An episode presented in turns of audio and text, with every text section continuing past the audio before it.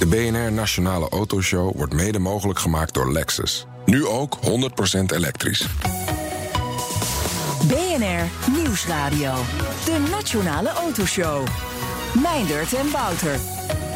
Dit is de zomerserie. We zitten deze weken in Zandvoort, waar we genieten van de zon, zee, strand, hapje, drankje, kroketten. En natuurlijk van onze goddelijke lichamen, Wouter. Hè? Als we niet al te veel van die kroketten naar binnen werken, dan, eh, dan wordt dat misschien nog eens een keer wat. Ja. Goed, ja. Maar we gaan natuurlijk heel veel praten. En dat doen we ook Ouwe deze week over auto's. Lekker. Auto's. Beetje Lekker mobiliteit. auto's. Af en toe even een kaartje pakken. Ja, precies. Ja? Ah, ja, hè. Je bent nog Eh, steeds net iets sneller dan ik. Dat is wel jammer. Dan krijg je nog wel te pakken, jongen. Precies, doe dat maar. Maar goed, even iets anders. Komende maand, precies vijf jaar geleden. Kun je het voorstellen? Brak Dieselgate uit. Ja. Grappig, hè? Dat is alweer zo lang geleden. Bizar. En nog steeds natuurlijk eh, eh, rechtszaken en vergoedingen. Er lopen nog allerlei dingen. Eh, ja, nog steeds niet opgelost. Ja, maar vooral, vooral eh, Volkswagen natuurlijk de kop van Jut. Hè. Vind je dat nou in retrospectief ook terecht? Eh, Nee, ik, kijk, ik- denk dat er veel meer autofabrikanten zijn. Er is ook wel een soort van semi aangetoond. Er zijn er meer die dingen hebben gedaan die op zijn minst bijzonder zijn. Eh, Volkswagen had de pech dat eh, de Amerikaanse toezichthouder even doorbeet. En zei van, joh, we keuren jullie auto's gewoon niet goed als je niet vertelt waardoor het komt. En toen moesten ze met de billen bloot. Eh, en een aantal andere autofabrikanten leverden diesels gewoon niet in Amerika. Die hebben dat issue niet gehad. En in Europa zijn we toch wat meer van, van de zachte hand. Dan zeggen we, Een heb jij eh, dat snoepje gejat? Of, of was, je, was je dat snoepje, had je dat misschien gevonden ergens? Ja, oh ja, inderdaad. En toen heb je het maar opgegeten. Ja, nou, nou niet meer doen. Het Ja, zo verleidelijk op tafel. ja, Weet je, het, het, Amerika zijn ze daar wel strikter in, eh, in geweest. We gaan er nooit meer helemaal achter komen wie wat heeft gedaan. Maar eh, Volkswagen heeft daar wel de pech in gehad dat zij de eerste, de grootste en ook een grote naam waren. Eh, en ja, die, die pakten dan alle heat. Ja, maar hebben we er wel van geleerd? Hè? Want we hebben nu eh, eigenlijk daardoor ook een nieuwe testcyclus. De Ja. WLTP. Ja, dat was Ja, vooraf in, ja, die stond in de planning, maar er is wel Ja. gas opgegeven. Ja. En we kopen geen diesels meer. Mm, deden we Nederland toch alweer wat minder. Eh, en, en wat op zich ergens natuurlijk ook jammer is voor CO2. eh, moderne diesels zijn relatief schoon. eh, laag CO2-uitstoot. Erg geschikt natuurlijk om lange afstanden te rijden. Ja, weet je, best raar dat die nu bijna helemaal eruit zijn. Wat? Hoeveel procent verkopen we nog nieuwe diesels? Ja, wat zou het zijn? 5 procent? 5% zo weinig. Ja, dat is helemaal niks. Dat is echt niks, hè? Maar denk je dat het nog minder wordt? Of is dit wel, bodem is wel bereikt? Er waren geluiden dat een aantal modellen alleen nog maar als diesel geleverd gingen worden door een aantal fabrikanten. Omdat zij ook met die CO2-targets zitten. Alleen corona gooit daar ook wel wat roet eh, niet uit uitlaat. En ook niet in het Nee, eten, nee, maar wel een nee. beetje. Ehm, dus ik, ik zie daar nu nog geen ontwikkeling in. Maar dat, dat zou gaan gebeuren. Eh, dat zijn een aantal eh, wat grotere modellen en SUV's. Zo, nou, geen benzine meer, want ja, die stoten te veel uit. En dan, nou, dan maar de diesel. Maar ik, misschien haalt de tijd die, eh, die eh, eh, plannen wel in. De rijimpressie. Geen dieselmotor, maar wel een moddervette V12 met meer dan 700 pk. Dat is best lekker. Wouter, Dat was niet afzien. Aceton Martin, Ja, de DBS. Superleggera Volante. En dat is de cabrio dus.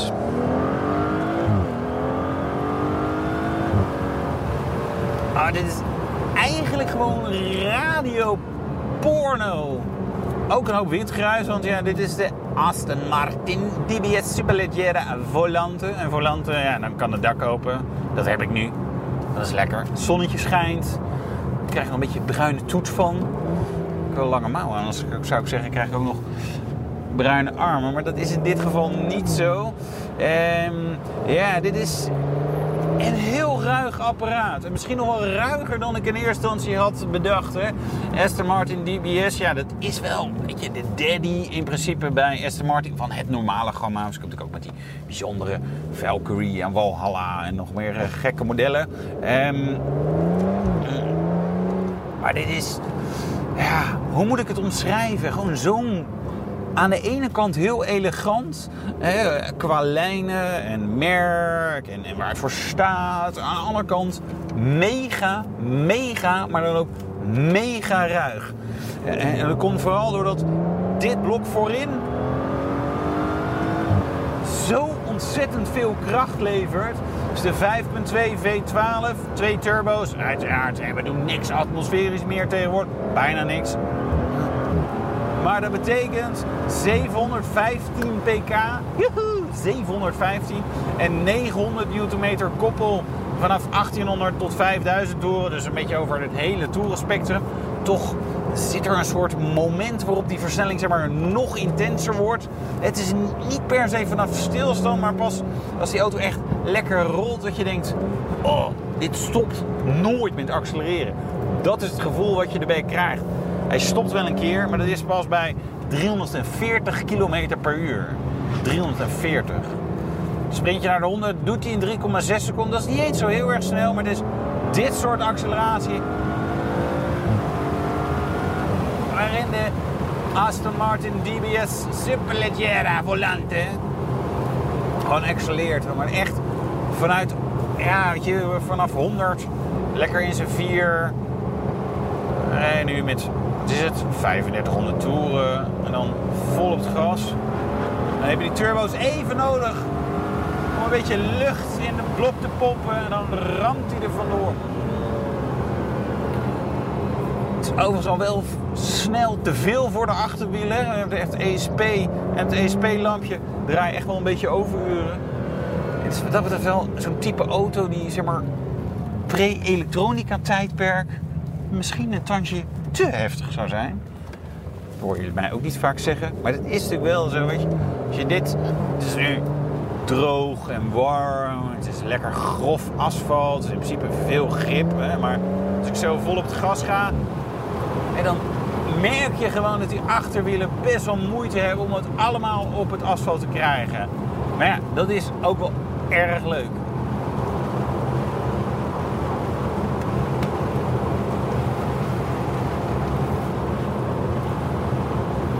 Ja, verder, weet je, het is echt een heel mooi pakket qua vormgeving. Dat is radio's, dat kunnen we niet zien. Maar ook het gebruik van carbon. Echt veel plaatdelen zijn carbon. Maar ook in het interieur veel carbon gewoon als, ja, weet je, decoratie natuurlijk. De middenconsole, maar ook een stukje van het stuur. De flippers achter het stuur. Waarvan Aston Martin weer lekker, nou ja, eigenwijs wou ik zeggen, maar er zijn meer merken die het doen. Die staan stil, dus links is altijd terugschakelen en rechts is altijd opschakelen. Dat is dan toch fijn hè, als je een keer ergens een beetje aan het boenen bent en na een bocht of in een bocht te schakelen. Wat je in principe niet hoort te doen, maar soms wil je dat toch. Hè. Dan hoef je niet na te denken, staat mijn stuur precies op zijn kop? Kan ik nu schakelen? Maar het, en het oogt gewoon mooi. Je hebt gewoon twee van die mooie grote lappen carbon erachter. Hij heeft carbon badges, uh, speciale van de afdeling Q. Dat zijn de individualisatieafdeling van Aston Martin. Kost wel 9850 euro. Alleen de badges, hè. Alleen de badges op deze auto. 9850 euro. De kleur trouwens, oranje, 9860 euro. Een hele auto. Wil je het weten? Misschien wel niet. Maar Aston Martin DBS Superleggera Volante is er vanaf 379.000 euro. Dit exemplaar zit voor 85 mil, ruim 85 mil zelfs, aan opties op. Dus die kost gewoon 465.000 euro. Dat is best veel geld. Ja, de Aston Martin DBS Superleggera Volante. Ja, Ja. ja. ik word er wel een beetje hebberig van. Als ik een dikke, dikke portefeuille zou hebben, goede, Ja. goede investering gedaan, krijgen wat return on investment. Ja, ik, eh, ja en vooraf Ja, zo- dacht ik, nou ja. hm. En toen reed ik denk ik, oh, wat is dit voor, voor beest van een apparaat. Heel gaaf. De vraag is natuurlijk wel, gaat Aston Martin het redden eh, nog zolang eh, het duurt tot wij rijk genoeg zijn om er eentje te kopen? Ja, denk ik wel. Weet je, de familie Stroll gaat er nu weer investeren. Ze hebben natuurlijk de samenwerking met Mercedes-Benz. Eh Daimler-concern moet ik eigenlijk zeggen. Er is wel markt voor eh, dit soort auto's. Ik zou me een toekomst kunnen voorstellen, even filosoferend, waarbij eh, ehm, Aston Martin misschien gewoon onderdeel wordt van een Daimler-concern. En net zoals dat de Volkswagen groep Porsche heeft. En nou ja, dat staat natuurlijk een beetje los ervan, maar toch ook wel onderdeel ervan. Een vergelijkbare constructie zou ik niet heel gek vinden. En ze komen met de DBX, hè, is een SUV. Ja. Eh, die gaat misschien best wel goed verkopen. Want die markt is er wel voor dat Die soort markt is auto's. er zeker. Misschien niet zozeer in Nederland. Er zullen ook wel één of twee worden verkocht. Maar eh, misschien nog Nou, wat meer. eh, als je Ja? De aantal Cayenne, Cayennes, Urussen en Bentega's telt, Ja. dan denk ik, nou, die markt is er wel Die hoor. markt is er, die markt is er. Daar heb je helemaal gelijk in. De Nationale Autoshow. Ja, automerken gaan zich steeds meer richten op een eh, woord dat wij heel lang hebben verboden in de autoshow. Mobiliteitsoplossingen. Gadverdamme, ik word er nog steeds onpasselijk van bijna. Zit ik hier lekker op het strand genieten van mijn zomervakantie? Ja, Kom jij weer met dat woord? mobiliteitsoplossing. ja. ja. Ja, en Aston Martin maar is ook een mobiliteitsoplossing. Ja, het is Maar, even doorbijten, maar Ja. eh, hè? eh, over een paar maanden betreedt een nieuwe speler de markt. Ja, Link Co. Aan het roer staat een, een, een Belgisch, een Vlaming, Een Vlaming, ja, Ellen Visser. Alain Visser. En hij vindt Linkenco niet echt een automerk. Ik zeg altijd het verschil tussen een traditioneel automerk en Link Co is dat een automerk auto's verkoopt en wij verkopen mobiliteit. Oh, dan moet hij bij een ander programma zijn. Misschien. Nou, dat is het kortste interview dat ik laatste tijd ooit heb gehad. Nee, maar het gaat inderdaad Maar om, ik- om, om eh, mensen toegang te geven tot mobiliteit. En daar hoort nou eenmaal eh, regelmatig ook wel een auto bij. Inderdaad, en wij hebben dus ook een auto, maar die staat eigenlijk niet in het middelpunt. Ook al is het een bijzonder sterk product dat, zoals jullie weten, op de architectuur en de technologie gebaseerd is van een Volvo XC40. Eigenlijk identiek technologisch, maar een heel ander design. Maar waar het bij ons om gaat, ik maak altijd om het vergelijk makkelijk te maken, zien wij ons een beetje als de Spotify of de Netflix van de auto-industrie. Met andere woorden, wij verkopen geen CD's of DVD's, maar wij verkopen muziek in het geval van Spotify. Dus het is Ja. geen auto verkopen, maar wij verkopen mobiliteit. En dat wil zeggen dat we bij Link Co word je lid, eh, membership noemen, we, word je lid. En als, als je lid bent, heb je ook access, toegang tot een auto, maar ook heel veel andere zaken. Dus Ja. het is Wel- het is welke andere zaken dan? Ja, dus bij ons gaat het om het volgende. Wij, wij proberen via mobiliteit ook een wereld te openen aan onze klant die, die verder gaat dan gewoon een auto tot je beschikking te hebben. Met andere woorden, wij gaan bijvoorbeeld in Amsterdam gaan we onze store hebben. Daar staat waarschijnlijk maximaal één auto.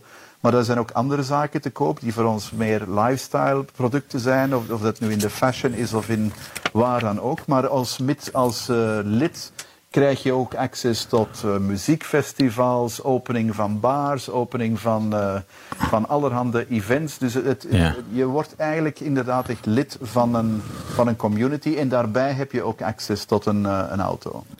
Dit voelt wel fris en modern, maar tegelijkertijd ook wel gevaarlijk in deze coronatijd. Of bars, evenementen, al die dingen die nu even niet doorgaan. Daar mogen mensen dan heen als ze weer gaan.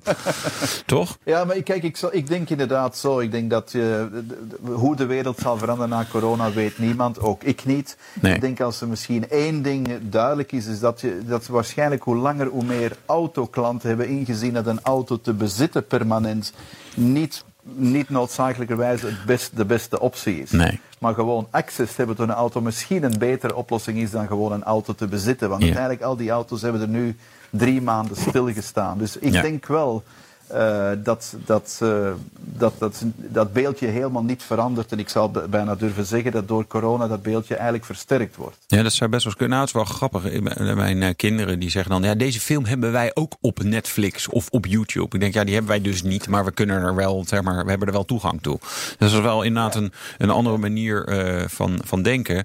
Ehm, aan de andere kant, we, we zijn nu twee jaar verder.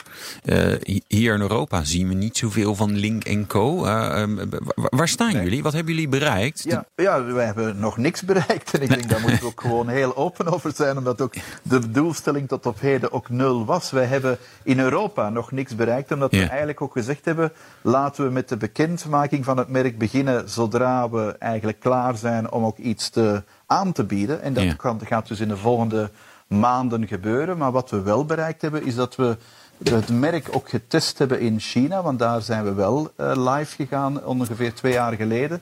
Met een ja, bijzonder groot succes, waar dus het merk heel sterk aanslaagt. En wij dus daarom ook eh, hoopvol zijn dat we in Europa een stap verder kunnen gaan met een businessmodel dat duidelijk veel radicaler gaat dan wat we in China hebben geprobeerd. Maar in Europa beginnen we nu. Dus Ja. eh, Want- als je me zegt waarin zijn jullie geslaagd in Europa, dan is dat tot op heden nul. Ja.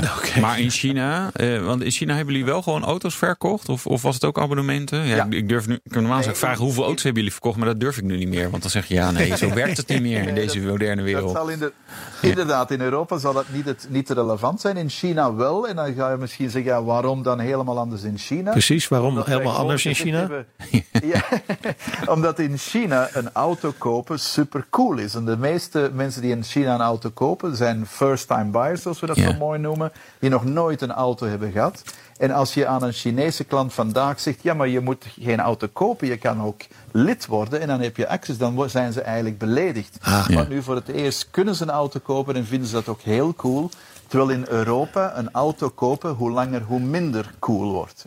Ja. Oké, Chinezen zijn er nog niet helemaal klaar voor. Dat komt misschien. Maar als je dan naar zo'n soort Spotify-model gaat, hè, daar kan ik ook kiezen tussen verschillende muziekgenres. Eh, hoeveel, hoeveel modellen hebben jullie dan in de aanbieding? Eén. Oh, Ja. Dat is makkelijk En dat, kiezen. is, dat gaat van ons. geen ja, keuzestress in elk geval. dat- Nee, inderdaad. En, en bij ons het, het totale simplicity van het model is een van de, ik zal zeggen, troeven van het merk. Als je vandaag voor een auto beslist, ik ga geen voorbeeld noemen. eh, ook al heb je dan een model beslist, je gaat naar je dealer, die wij dus ook niet zullen hebben.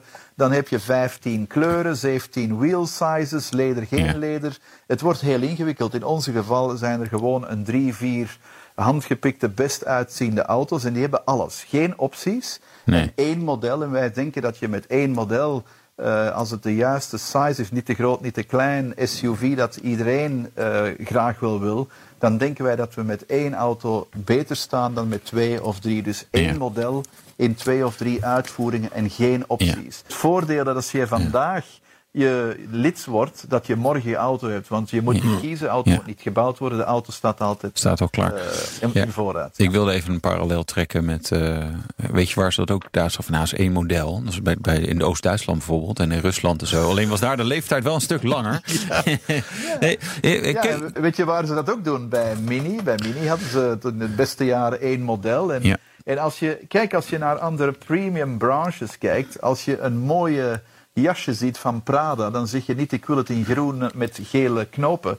Dan Nee. ofwel vind je het goed, ofwel vind je het niet. En bij Ja. ons zal het ook zo zijn. Maar, maar gaat dat zo blijven? Want in Azië hebben jullie wel meerdere modellen. Ja, inderdaad. En, en nog eens, omdat je in Azië hebben, we hebben in China hebben we besloten om eigenlijk de traditionele manier te gaan in autoverkopen, omdat we daar duidelijk zien dat dat hetgene is wat de klant wil.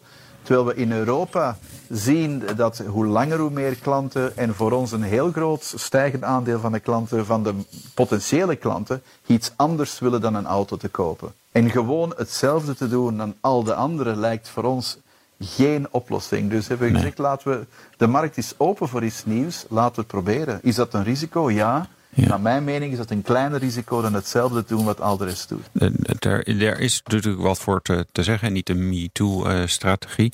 Ehm waar ik wel benieuwd naar ben, we- welke van de modellen gaat dan naar Europa komen? Want we hebben de, de 01, de 02, 03 en 05. Nou, 04 is even overgeslagen. Maar wel- welke, welke kunnen we in, eh, hier in Nederland gaan verwachten dan? De 01. De 01. Kijk, want dat is eigenlijk gewoon echt de grote, ja, grote, zeg maar XC40 eh, formaat eh, SUV. Dat is inderdaad, dat is een auto vergelijkbaar in size, in, in positionering, zoals we het zo mooi zeggen, met een XC40. En, eh, met, maar die er dan totaal anders uitziet. U, u zegt dat Link Co eigenlijk misschien wel kan profiteren hè, van de coronacrisis. Omdat mensen nu achterkomen dat eh, hun auto wel heel lang stilstaat. En ze misschien eigenlijk geen auto hoeven te bezitten. Eh, versnelt dat toch de zaak? Of past dit helemaal in de plannen van Link Co? Je kan nooit zeggen dat corona helpt. Het zou een, een vreselijke Ja. zijn. Maar ik denk dat corona hoe langer, hoe meer en inderdaad nog sterker de, een, de, de mensen doet inzien dat het bezitten van een product auto zeker niet de beste oplossing is. En ik denk dat het een trend is die we overal zien, even over heel de wereld en vooral in, in, in deze branche. Dat het, je, je merkt de trend van de, de klant heeft veel meer interesse aan goede ervaringen dan aan eh goede bezittingen. Het gaat van bezit naar ervaring. En ik denk dat met corona dat waarschijnlijk ook nog meer het geval zal zijn. hè. Ja, aan de andere kant, je we- je weet het natuurlijk niet. Hè? Zeker niet als je de eerste bent die met zo'n product op de markt komt. Eh, zou het ook kunnen zijn dat we over vijf jaar zeggen van ja, het is niet helemaal gelukt met Link Co op deze manier. Maar we hebben er als eh, eh, grote merken Geely en Volvo wel heel veel van geleerd. Ja, dat is inderdaad mogelijk. Kijk, het, elk, als het grote risico van met iets totaal nieuws te beginnen, is dat het verkeerd kan lopen. Maar ik moet zeggen, ik houd geen rekening met die optie. omdat de, de, de, laten we zeggen, onze informatie over wat er gebeurt vandaag in, de, in, de, in het hoofd van een klant is zo duidelijk. Dat ik echt overtuigd ben dat er daar. Volgens onze berekeningen is er een 10% van de huidige autoklantengroep die bereid zijn tot een nieuw model. Nu, als wij 10% van die markt kunnen innemen, dan gaan we veel, veel beter doen dan ik gepland heb. Ja, dat is, eh, Ja. Ja. Dus ik denk Ja, wel dat we goed zitten. Maar, wat zijn doels- doelstellingen voor Link Co, voor, voor Europa? Waar, waar, waar zou, waar zou het merk moeten staan over een paar jaar? Wel, het- wij willen dat het merk staat binnen een paar jaar zoals, en ik, ik zeg het, ik blijf het, het, eh, de vergelijking houden, zoals Spotify staat nu. Dat je, dat je zegt, ik koop geen auto, ik word lid van Link Co. Ja. En dat het een coole brand is waar de mensen zeggen, ik word Ja. er lid van. En ik Ja. ga niet meer naar een dealer om een auto te kiezen. Ik word gewoon lid en heb een auto en kan ook andere leuke dingen doen. Dat, Hoe- is, dat is eigenlijk hetgeen, hetgeen wij, wij willen bereiken. Eh, En hoe ga- gaan jullie dat voor elkaar krijgen? Dan moet je wel doen. Ja, en dat is natuurlijk een hele opzet, want het is eh, niet alleen bestaat het nog niet, maar het, is het, het, eh, het vereist een enorme IT-infrastructuur, ook een fysische infrastructuur. Wij gaan in elke belangrijke stad in Europa een, een, een van onze stores hebben, die Ja. helemaal geen dealership zijn, helemaal niet te vergelijken met een autodealership. Ja. En dat moeten we dus allemaal opzetten. En dat is, eh, ja, we hebben, zoals jij zei, twee jaar geleden gesproken. Ja. We hebben niet eh, zitten wachten twee jaar. We zijn dus twee jaar bezig van heel dat, die idee op te zetten met een IT-infrastructuur, de stores, het design, het product, eh, het hele netwerk, de hele logistiek. Dus het is een, een hele, ja, een hele bedoeling. Ja, en nu zijn jullie dus bijna klaar voor die echte officiële introductie in Europa. Eh, nou was die presentatie twee jaar geleden in Amsterdam. Gaat die introductie ook eh, beginnen in onze hoofdstad? Ja, absoluut. Wij hebben toch wel een heel wat tijd genomen om te kiezen waar we gaan lanceren, waar we eerst gaan. En er zijn eigenlijk twee steden bij ons eh, duidelijk op de, in de top geweest van die het meest eh, ja, eh, aanslaan voor zo'n merk te lanceren. Ja. Het waren Berlijn en Amsterdam. En we Ja. hebben uiteindelijk voor Amsterdam. Amsterdam. Logisch. Het zijn wel autohaters hier in Amsterdam. Hè? Ja, Maar ja, je en verkoopt dat is abonnementen. precies de reden geweest. Dat is precies de reden. Was, als, als ik de vraag krijg waarom hebben jullie Amsterdam gekozen, is ik, zoals jullie weten, ik heb vier, jaar- vier jaar in Amsterdam gewoond. Dus ik denk dat ik het wel tamelijk goed ken. Eh, de Amsterdammers zijn waarschijnlijk het meest geneigd om een auto te haten. Ja. Dus zoals we gezegd hebben, als we ons echt willen positioneren als geen automerk, dan moet het in Amsterdam zijn. Dus we, ja, we gaan naar Amsterdam. Ja, en, en wanneer gaat het eh, plaatsvinden? Eind dit jaar. De precieze datum zullen we nog later meedelen, maar dat is eind dit jaar. Oké, eh, dat is een rekbaar begrip hè, eind dit jaar altijd. Dus dat, dat is na de zomer of is dat vlak voor kerst? Eh, dat, is, eh, dat is meer vlak voor kerst als na de zomer. Oké. Ja. Dan, dan- Oké, prima. En dan eh, hier in Amsterdam dus, met een SUV. Dat is ook nog wel een beetje gevaarlijk. Want daar houden ze ook niet van eh, hier bij de gemeenteraad. Is die wel elektrisch? Ja, de- inderdaad. Wij gaan dus enkel met elektrische auto's op de markt komen. In het begin hybride en dan later vol elektrisch als de markt er klaar voor is. En ja, SUV, kijk, eh, je gaat zeggen waarom SUV in de stad. Als ik iets geleerd heb in de auto-industrie, dan is dat de grootste trend van welke auto's Ja. mensen kopen. Is de mensen kopen vooral auto's die ze niet nodig hebben. Ja, maar ze moeten ze nu niet kopen, hè? inderdaad. Dus Ze moeten een abonnement nemen. niet kopen. Ja, ja. Hartelijk dank en eh, we wensen u veel succes. Alain Visser, CEO van Link Co. En zometeen, Wouter. Ja, het gesprek dat eh Nout en ik hadden met de Nederlandse baas van Jaguar Land Rover SVO, Special Vehicle Operations. Alleen die naam vind ik al gaaf, weet je wel? Dat is gewoon, alleen Britten kunnen dit verzinnen. En ze doen Special Vehicle Ops. Oh, operations, ja. Hè? En ze doen hele gave projecten. Maar jij deed dat gesprek met Nout. Met Nout, ja, nou, jij was eh, aan het zwemmen. Ja, sorry. Ja. Ja. ik had net echt een gevecht met een haai. Niet Ja. normaal. Levensgevaarlijk. Tot zo. BNR Nieuwsradio. De Nationale Autoshow. Nout en Wouter. De F-Pace, de F-Type en Range Rover SVR. eh, dat zijn stuk voor stuk leuke auto's, toch, Wouter? Ja, zeker. En die worden onder leiding van Nederlander gemaakt. Ja, ja, precies. Mooi is dat. Hè? Het gast is Michael van der Zander, Managing Director van Jaguar Land Rover Special Vehicle Operations, SVO. Het klinkt ook altijd mooi zo in Ja, het Engels. Hè? Het heeft een, een Jag. Nou, we weten Ja. allemaal wie dat zo eh, kan zeggen. Maar ik heb een vertaling voor deze, voor Ja. deze functie. Chef, leuke auto's en projecten. Is dat wat eigenlijk dat is, omschrijven? Ja, dat is een dat- ja, ja. perfecte omschrijving. Ja, Goedemiddag, Gerard. Ja, absoluut. Klopt. Is het dan ook altijd leuk werk? Of is er, moet je ook, zit je ook wel eens met je hoofd in, eh, in de spreadsheet en denk je, oh, ja, ah, 10% ik probeer- besparing hier, toch een beetje jammer. Ja, dat, dat hoort bij elke baan, denk ik. Maar Ja, als, je, ja. als je nou in de spreadsheet moet, moet zitten, kan je dat denk ik beter doen. eh, als het over een leuke auto gaat dan over wc-papier of zoiets over zoiets dergelijks. Dus Ik ben wel tevreden. En eh, inderdaad, we Ja. proberen de leukste auto's eh, te bouwen voor de mensen die echt van auto's houden. ja, Ja, precies. Want vertel dat even. Wat doet SVO? Ja, we zijn een afdeling van ongeveer 1500 man binnen Jaguar Land Rover. En we hebben twee prachtige merken eh, die eh, ik denk iedereen eh, goed kent. En we hebben eigenlijk drie activiteiten. Ten eerste de Special Vehicle afdeling. En dat zeg maar, zeg, zeg maar de topmodellen van de Jaguars en de Land Rovers. eh, met of het meeste vermogen, of het meeste luxe, of het meeste handling, et cetera, et cetera.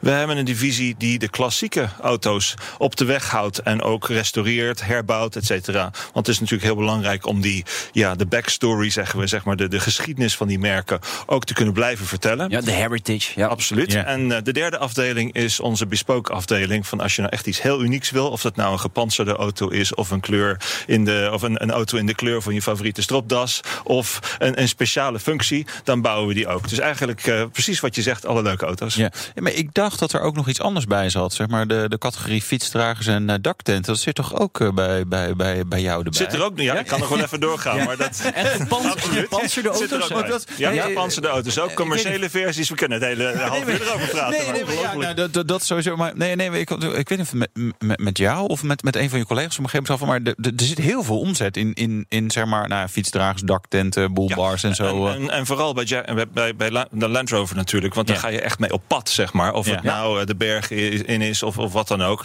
Ja. Ja, en daar, daar horen natuurlijk een heleboel verschillende functies bij. Of het inderdaad nou met je, met je fiets eh, op het dak is. Of met je winch, eh, met je, hoe noem je dat? Eh, En een lier. met de lier, of Lier. et cetera. Dus ja, dat Ja. is inderdaad een behoorlijk grote activiteit. Zit ook bij mijn afdeling. En, en dat is ook inderdaad om de auto nog wat leuker te maken. ja, nog leuker. Vanuit Engeland, waar, waar, waar zitten jullie exact? Wij zitten op drie verschillende locaties in Warwickshire in Engeland. Dat is in de buurt van Birmingham. En we hebben eigenlijk drie, drie sites daar waar we de verschillende activiteiten doen.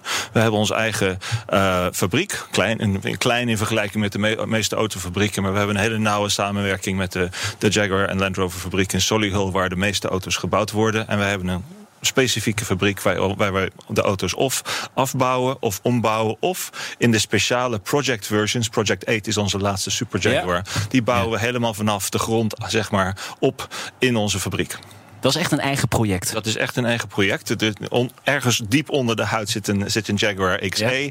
eh vierdeurs eh midden, middenklasse sportsaloon. En die hebben we zeg maar helemaal herontworpen. Ja. 600 pk. eh, en daar kan je heel snel het circuit mee om. Ik kan me voorstellen dat dat misschien wel het meest spannende is. Om een auto zo vanaf het begin op te bouwen. Het is inderdaad het meest spannende. Het is ook het meest duidelijk, zeg maar, om als, als, als, als uitdrukking van het merk. Maar die worden in hele kleine oplages gemaakt. Is heel duur om te ontwikkelen. Dus daar kunnen we niet, eh, zeg maar, eh, eh, de hypotheek mee betalen. Nee. En dat betekent dus dat we zowel een, een, dit soort hele speciale modellen af en toe doen. Maar we hebben ook, zeg maar, het dagelijkse werk. En dat zijn de auto's waar, er, waar we er een aantal duizenden van verkopen. Ja. Niet een paar honderd. Maar 100, eh, zo- af en toe doen. En we hadden een Project 7 en nu een Project 8. Ja. Dus Project 9 eh, staat dat alweer aan, zeg maar ergens Nou, Ja, weet je wat het leuke is van dit werk? Het is dat, dat, kijk, bij veel autobedrijven weet je langzamerhand niet meer wat je nou eigenlijk nieuws moet gaan doen. Maar we hebben het voordeel met die twee prachtige merken dat je, we kunnen wel honderd dingen bedenken wie, die we Je handen jeuken, je handen jeuken. Precies. Ja. En het is eigenlijk, eh, de truc is om de juiste eh, prioriteiten te stellen. Je kan niet alles doen, maar Nee. we kunnen wel van alles doen.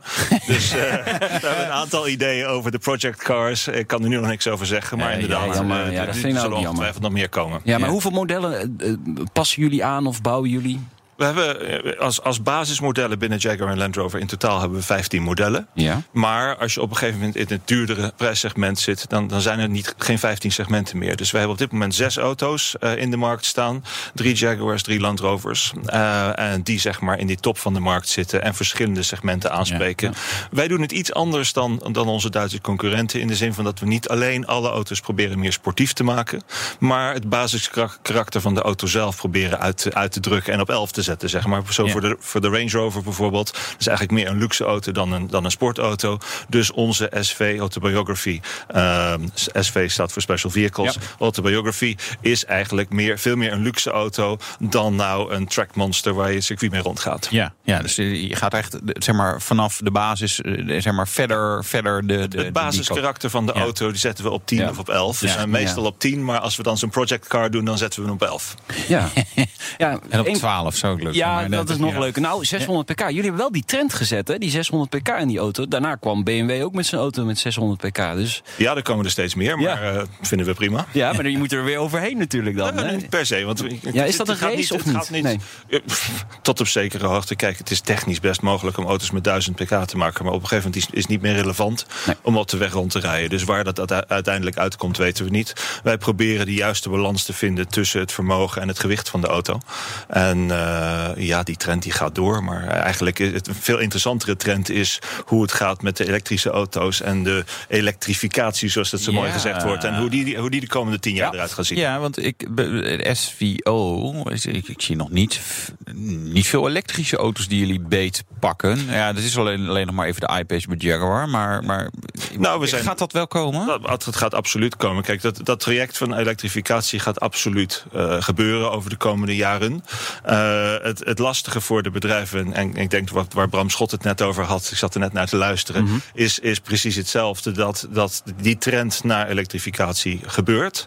Maar het gebeurt niet overal even snel. Dus je kan niet zeggen van we gaan vandaag of morgen alleen, op alleen elektrisch over. Dus de komende tien jaar in verschillende delen van de wereld zal het met verschillende snelheden gaan gebeuren. Dus wat eigenlijk de grote uitdaging is van ons en van alle bedrijven, is hoe zorg je nou dat je steeds meer elektrisch gaat ontwikkelen. Zonder nu je bron van inkomsten op te geven door geen V8 meer te maken. Dus Nee. we zijn absoluut bezig met elektrificatie. Ja. Eh, de iPace is de, als Jaguar was zeg maar de eerste die, Ja. eh, die echt van de premium merken in de markt staat. We hebben eh, vorig jaar een, een plug-in hybrid Range Rover SV Autobiography. Dat is de long wheelbase, de hele grote Range Rover, de meest luxe Range Rover. Ook met een plug-in hybrid op de markt gezet. En die maar 70 gram CO2 eh, eh, uitstoot. Dus we zijn er inderdaad mee bezig. Ja. En we gaan ongetwijfeld in de komende jaren ook meer hybrids en meer elektrische auto's uitbrengen. En Ja. eh, we zijn, eh, we zijn eh, heel druk bezig geweest in ons team met de, de e-trophy. Dat is de iPace die ehm, bij de Formule, Formule E races Ja. eh, op, eh, als raceauto rond, rondgaat. Ja, dat ik- heeft mijn team heb- ontwikkeld. En daar leren we veel van. Ja, dus dat is gezien een op eerste Autoblog. stap. Ja, ik, heb er, ik heb erin gereden inderdaad. Ja. Ja. En dat- ding. Ja, precies. En daar, daar, kijk, dat is natuurlijk een hele andere eh, tak van sport dan een traditionele V8. Dus wij leren er veel van. Nee. En eh, we zullen in de komende jaren ongetwijfeld de V8 vasthouden, maar zullen ongetwijfeld ook meer elektrisch gaan werken. Ja, en komt er dan ook een iPace SVR uiteindelijk? Op dit moment is het niet in de planning. eh, want we denken dat er nog een paar jaar overheen moet gaan voordat die auto zo, eh, zoveel range en zoveel eh, zeg maar dagelijkse bruikbaarheid heeft om te werken. Maar we zijn ongetwijfeld we gaan op een pad naar steeds meer elektrisch. De pijlstok. Met welke auto ben je gekomen? Ik ben gekomen met mijn Jaguar F-Pace SVR. Dat is dus de F-Pace van mijn afdeling, 550 pk. Zo lekker voor een ritje van Engeland naar hier. Ja, zeker. Dat eh, kan ik me voorstellen, ja. Fijn ding is dat ook inderdaad. Wat, wat zou je rijden als eh, geld geen enkele rol meer eh, speelt? Wat Nou, moet er nog eens een keer komen? Kijk, ik, toen ik hier twee jaar geleden was, had ik gezegd Lamborghini Espada. Maar ik ben denk ik inmiddels wat omgevormd.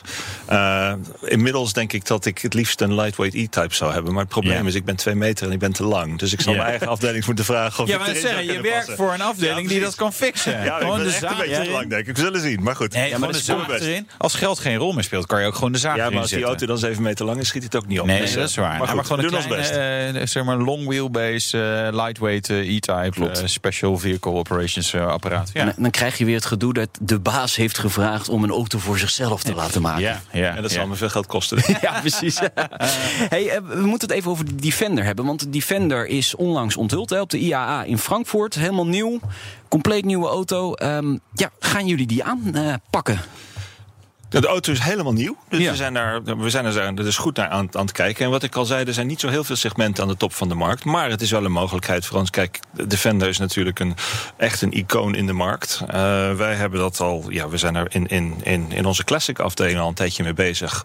Omdat wij afgelopen jaar een serie van 150 eh, V8 mo- omgebouwde, Ja. eh, de oude, de oude model Defenders hebben, hebben gemaakt. Die zijn, die zijn nu bijna afgeleverd allemaal. En dat was een groot succes. Dus er is duidelijk een heel, hele, heel veel vraag in de markt. En heel veel passie voor die, eh, voor die, voor die Ja. Defenders. De nieuwe Defender is een hele moderne auto eigenlijk. Die, maar toch wel weer die, die oude eh, design en die oude offroad eh, zeg maar, eigenschappen oppakt. En ja, wat we al net zeiden van ja, als wij ermee bezig gaan met een auto, dan kijken we naar het basiskarakter van de auto's. Dus ja, wat kan die auto doen? Is heel capabel, heel duurzaam, et cetera, et cetera. Dus kijk wat we ermee kunnen doen. Ja. Ik hoor geen nee. Ik, Nee, je hoort hoor, geen nee, nee. inderdaad. Maar de markt is natuurlijk zeker. Natuurlijk ook bij, bij eh, het Duitse merk dat, eh, das Haus eh, kijkt. Hè, met de G- G-klasse AMG. Dat, Ja. Die zijn niet aan te slepen ook. Dus, dus er is een wens voor ja, offroaders die dan toch gewoon heel hard moeten kunnen gaan. Ik denk het ook. Ja. Volgens mij weten we genoeg, eh, Ja. Wouter. Ik, Ja. ja. nou, we weten nog niet genoeg, maar ik denk niet dat, dat, dat er meer uit gaat komen. Nee, dat denk van, ik nou, ook niet. Ja, we zaten zelf te denken aan een V8 met een supercharger of uh, nou, hè. Brengt ons wel bij de markt voor dit soort auto's. Hè? Groeit die nog altijd? Kijk, de, de, de, de, totale wereldmarkt is eigenlijk tien jaar lang heel hard gegroeid. En eigenlijk dit jaar voor het eerst een beetje aan het, aan het afzakken. Dat is even nieuw. En dat betekent dat alle, alle, alle bedrijven, inclusief wij zelf, uh, tussen twaalf maanden geleden en nu zeggen van mm, dat moet toch even wat anders. Dus veel reorganisaties, veel nadenken over, over de, de, de, de elektrificatiestrategie. Um, maar de top van de markt groeit nog steeds. Uh, dus wij zitten daar goed. Uh, je kan niet alles doen. Dus we moeten gewoon heel goed kiezen welke modellen we aanpakken, welke niet. En uh, onze grootste uitdaging is om zoveel mogelijk markt af te dekken met onze twee mooie merken. En te zorgen dat we niet drie auto's maken die allemaal aan dezelfde klant, uh, nee. uh, naar, naar dezelfde klant gericht zijn. Nee, dat, dat kan ik me voorstellen. En in welke markten ben je dan vooral actief wereldwijd? Eigenlijk natuurlijk in het sportsegment met, met alle Jaguars. Ja. Uh, ook de Range Rover Sport SVR is ons, ons grootste succes mm -hmm. eigenlijk. Daar verkopen we een aantal duizenden per jaar van. Uh, en dat is eigenlijk een hele sportieve uitvoering van de sportieve uitvoering van de Range Rover. Dus uh, dat, dat is eigenlijk een, een grote markt voor ons. In Nederland wat minder vanwege de, de import van gebruikte auto's uit andere landen en de BPN, et cetera. Maar ja. met elektrificatie zijn er misschien mogelijkheden mee. En de andere is de luxe markt. Vooral de Range Rover, uiteraard, waar we het net al over hadden. En we hebben dit jaar ook een Velar uh, als luxe model in de markt gezet eigenlijk. Dus ja. eigenlijk heb je twee niveaus van luxe daar. Ja. En, en, en, welke landen of regio's is, zijn, is het belangrijkste? Oftewel, welke taal moet je gaan leren? Of heb je al geleerd? Nou, ik, ik, ik, heb me gelukkig al geleerd. Nee, dus eigenlijk de grootste markten zijn... zijn, zijn is, ja, de grootste markt is Amerika, uh, ja. uiteraard. Oh, Engeland, onze thuismarkt, ja. is ook groot. Maar die spreken Engels in allebei de markten, dus dat is prima. Maar eigenlijk de, de usual suspects... Uh, Amerika, uh, Engeland, Duitsland, China... zijn eigenlijk de, de, de vier grootste markten van dit soort auto's. En daar zijn we allemaal goed vertegenwoordigd. Dus, maar eigenlijk is er toch wel steeds meer wereldwijde vraag voor dit soort modellen. Ja. Waar mensen gewoon ja, goed geld verdiend hebben, heel erg van auto's houden. En zeggen, wat is nou de beste auto in een bepaald segment die kan krijgen? En daar, daar proberen wij op in te spelen. Ja. Ben je, dan 100% tevreden over wat, wat jullie kunnen doen? Of zeg van nou, ik zou nog wel hè, in, een, in een ideale wereld met, met nog meer budget. Heb ik nog wel een wensenlijst aan, aan dingen die SVO zou kunnen nou, maken? Twee dingen. Ten eerste is de wensenlijst inderdaad vele malen groter dan de budget en de mensen die we hebben. En ten tweede, als je 100% tevreden bent, ja, dan, uh, dan, uh, nee. dan probeer je het niet hard genoeg. Dus nee, nee. Ik, ik ben nooit 100% tevreden. Het gaat heel goed met de bedrijven. We zijn onze, onze verkopen dit jaar ongeveer aan het verdubbelen ten opzichte van vorig jaar. Dus dat ziet er wel goed uit. Zo. Maar uh, ja, we willen altijd meer. Het kan ja. altijd beter. En uh, zelfs met de bestaande auto's die wel succes hebben, kan je altijd weer wat verbeteren. Dus daar ja. zijn we druk mee bezig. Dat is ook. Zit er nog wel een soort grens? Hè? Want je zegt verdubbelen. Je kan natuurlijk blijven verdubbelen, maar op een gegeven moment is het, is het niet echt exclusief meer. En dan heb je wel een heel Klopt. groot bedrijf en heel veel geld. Of zit er, zit er ergens een, een grens je zegt, nou, we moeten ook weer niet te groot worden? Nee, dat klopt, want we zijn een afdeling binnen een groter bedrijf. Ja. En we moeten natuurlijk zorgen dat we de topje van die markt heel goed afdekken. Maar je kan op een gegeven moment niet gaan concurreren met je eigen, met je eigen merken. Dus uh, we, Ja. we hebben heel duidelijke afspraken met ons moederbedrijf, wat wij doen en wat de, de, de, de, de basisafdeling van, van Jaguar en Land Rover doen. En dat, dat werkt heel goed. Dus Ja. ik denk dat we samen de markt goed afdekken. En daar zit nog een ander heel belangrijk aspect bij. Dat is die klassiekerafdeling natuurlijk. De heritage van Jaguar Land Rover. En dat beheer jij eigenlijk ook. Klopt, dat is een aparte afdeling van ongeveer 200 man eh, binnen onze, binnen onze groep. En dat is heel leuk, want daar halen we niet alleen eh, eh, ja, zeg maar business uit, maar ook heel veel inspiratie. Want in de SV-afdeling zijn we natuurlijk eigenlijk bezig met de klassiekers van de toekomst te bouwen vandaag. En ja, wat beter als inspiratie dan de echte klassiekers, de C-types en de D-types en de Ja. E-types, et cetera. En de Land, Rover Series 1, et cetera. Dus wij ehm, restaureren die auto's onder ons Reborn-programma. Dat betekent dat je eigenlijk een auto neemt en hem helemaal helemaal nieuw maakt zoals die eh, uit de fabriek kwam 50, 60 jaar geleden. Ehm, Waar, waar- hoe, hoeveel of hoe weinig moet je meebrengen eh, bij jou? Om, om, kan kan je dan met het chassisnummer aankomen en zeggen... nou, deze, jullie hebben vast wel ergens... eh, bou- bouw maar opnieuw op? Of, of moet er... hoe- Nou, nee, nee de, de, de Reborn-auto's zijn eh, hernieuwd vanuit een hele auto. En kijk, als iets, iets zo, als een onderdeel zo doorgerot is dat hij niet meer te redden is, dan, dan zetten we inderdaad een nieuw onderdeel op. Maar alle basisonderdelen, het chassis, de motor, de versnellingsbak, die reviseren we en bouwen we helemaal Dus die nieuw moeten op. er wel bij zijn. Die Dus moeten er absoluut van, bij Ik heb zijn. een chassis, maar geen motor. Nee, nee, nee, dan, dan, is het geen reborn eigenlijk. Nee. Dus eh, wat we ook doen, eh, is wij, we, we maken hele kleine aantallen van wat we noemen continuation cars. Ja. Waar we de auto's uit de 50 jaren, eh, 50er jaren herbouwen. Die zijn wel nieuw, maar helemaal volgens de specificatie van de jaren 50. We doen D-types op het moment, we doen Ja. een serie van 25. Ehm, en die we helemaal ge, ge- ge- opnieuw ontwikkeld hebben, zeg maar. Op basis van de technologie van toen. Met waar mogelijk dezelfde toeleveranciers van toen. Die auto's zijn natuurlijk niet meer eh, ja, zeg maar op de weg te zetten met alle crash-eisen, et cetera. Maar dat is echt een auto voor, voor echte verzamelaars, verzamelaars, verzamelaars die zeggen van dit is zo'n mooie auto, heb ik altijd al gewild. Er zijn er ten, toen de tijd maar eh, 10, 20, 50, 75 van gemaakt. Eh, dus we maken een paar nieuwe erbij. Met een heel duidelijk verschil tussen de klassiekers, die natuurlijk miljoenen waard zijn. En die kleine series die we nabouwen. ja. Maar dat is best gek, want die kan je dus alleen maar in je, in, je, in je collectie in de kelder. eh, ik zou zeggen op zolder, maar Nee, kijk, meestal het zijn vooral raceauto's natuurlijk. Hè? Ja, dus ja. zo'n D-type, dat, is- dat was een raceauto. Was ook nooit op de weg toege, toegelaten, nooit geregistreerd. Dus als je inderdaad daar eh, de, de, de, de liefde voor hebt... en het geld en de neiging... dan is het inderdaad Ja? een auto waar je drie keer per jaar... heerlijk het circuit mee op kan. Ja, en, dan En, gaat hij eh, weer de schuur in. Ja. Precies, en dan gaat hij weer de schuur in. Wat een heerlijke klanten hebben jullie eigenlijk. Dat is, dat is wel, of, of, of zijn het ook moeilijke klanten soms? Nou, kijk, moeilijke klanten. Eh, als je op een gegeven moment eh, veel geld uitgeeft, eh, dan, dan heb je ook het recht om goede service en goede kwaliteit te vragen. Maar uiteindelijk, het leuke ervan is dat dit echt mensen zijn, die klanten van ons, die, die houden van auto's en die zoeken ook de, ja, zeg maar de beste kwaliteit, de beste ervaring, de meeste emotie in de auto. De rijimpressie.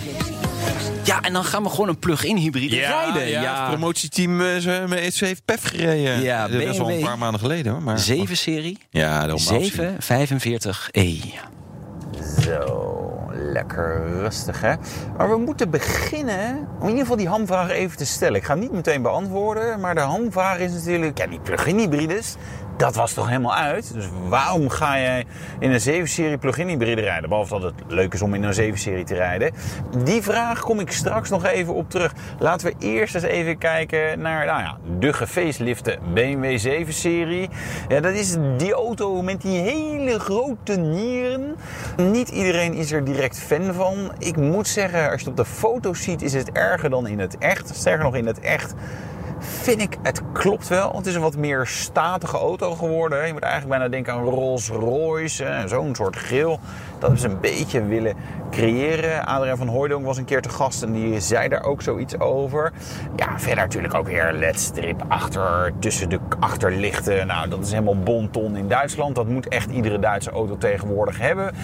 Behoorlijk wat technische updates natuurlijk. Dus nou ja, zelfsturende functies. Hij kan lekker een beetje tussen de lijntjes blijven en afstand bewaren. En eh, vooral niet botsen, dat soort dingen.